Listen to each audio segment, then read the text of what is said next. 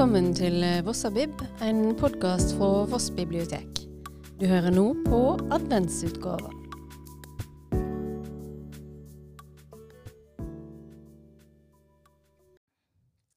Hei, alle sammen. I dag er det 1. desember, og den første episoden i adventskalenderen vår på biblioteket. I dag skal det handle om skrekkelige skapninger og ei historisk hending som skjedde 1. desember 1955. Først så skal jeg ta for meg ei bok som heter Skrekkelig jul Skumle skapninger som herjer i julen. Den er skrevet av Sveinung Lutro, og flott illustrert av Ronald Jacobsen. Dette er noe jeg vil mene er ei fortellende sakprosabok. Den er skrevet for barn, men er like kjekk for de voksne, og den egner seg veldig godt til opplesing i adventstida. Boka henter fram fortellinger om de skremmende mytologiske julefigurene, basert på folkefortellinger fra heidensk tid. Fordi på 1800-tallet så fantes det verken julenisse eller juletre. Før i tida så var jul ei skremmende tid, ei tid for gjenferd, hekser, demoner og småjævler. Boka er delt inn i seks deler, og bakerst så er det anvendt litteraturlister. Veldig mye interessant og spennende lesing for de som ønsker å fordype seg i mytologi og folketradisjoner fra eldre tider. Ja, boken den er skrevet på bokmål, men jeg er så heldig å ha fått tillatelse fra forfatteren til å lese på min dialekt. Julegeita.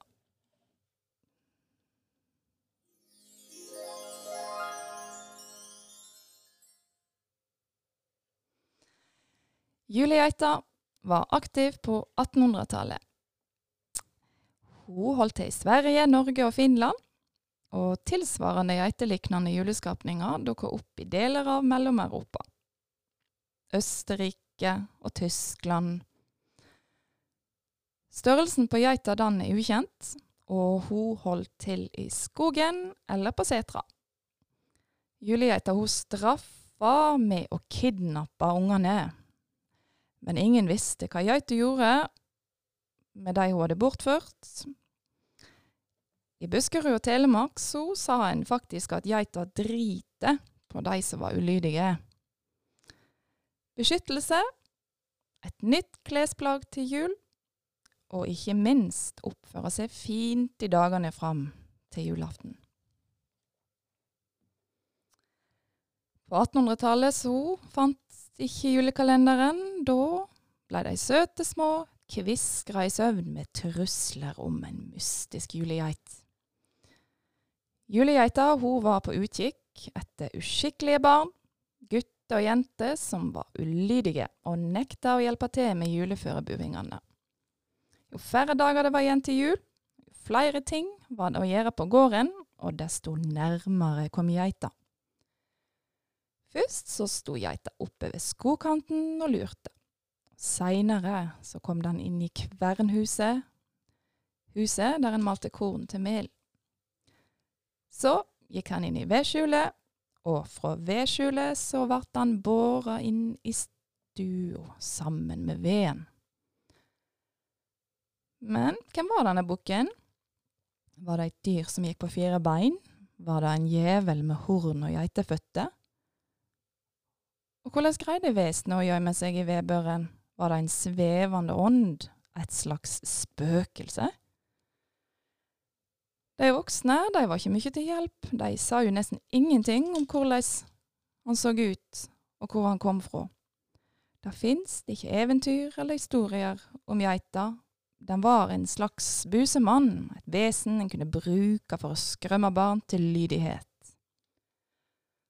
Busemenn de forteller en jo ikke mye om, tvert imot, busemenn forteller en minst mulig om. Og når uhyggen er ansiktsløs og mystisk, så tar jo ofte fantasien over og gjør ting enda skumlere. Jobben som busemann varte ikke evig. Tidene forandrer seg. Fra England, Tyskland og Amerika kom ideen om at julet var en familiefest for barna.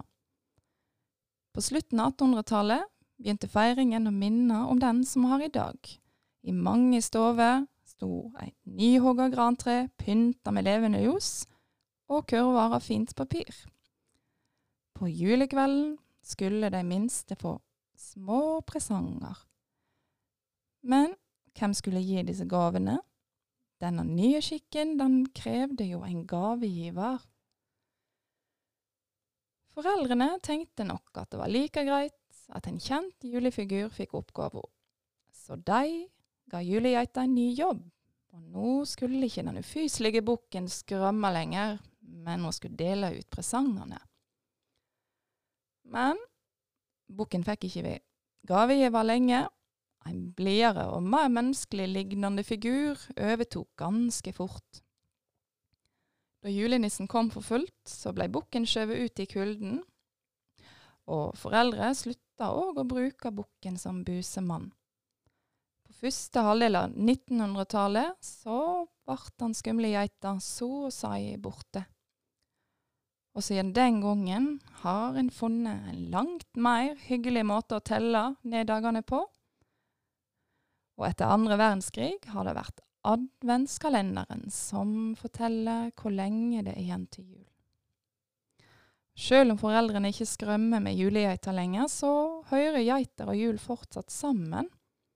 I Norge, Sverige og Finland så pyntes det ofte med julegeiter som er laga av halm. Og i Finland så heter julenissen jolopukki. Direkte oversatt så betyr dette julegeita. Og julenissen i Finland ser likevel ut som den vanlige julenissen.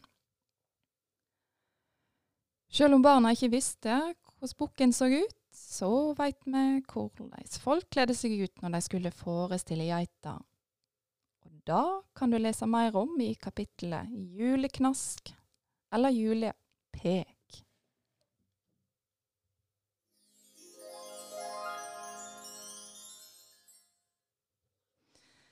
Ja. Ja.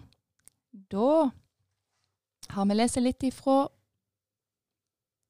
denne boken, 'Skrekkelig jul', som da var skrevet av Sveinung Lutro og illustrert av Ronald Jacobsen. Jeg anbefaler denne for barn og voksne. Ja, i dag er det jo 1. desember, og vi skal ta for oss ei historisk hending som skjedde 1.12.1955 i USA.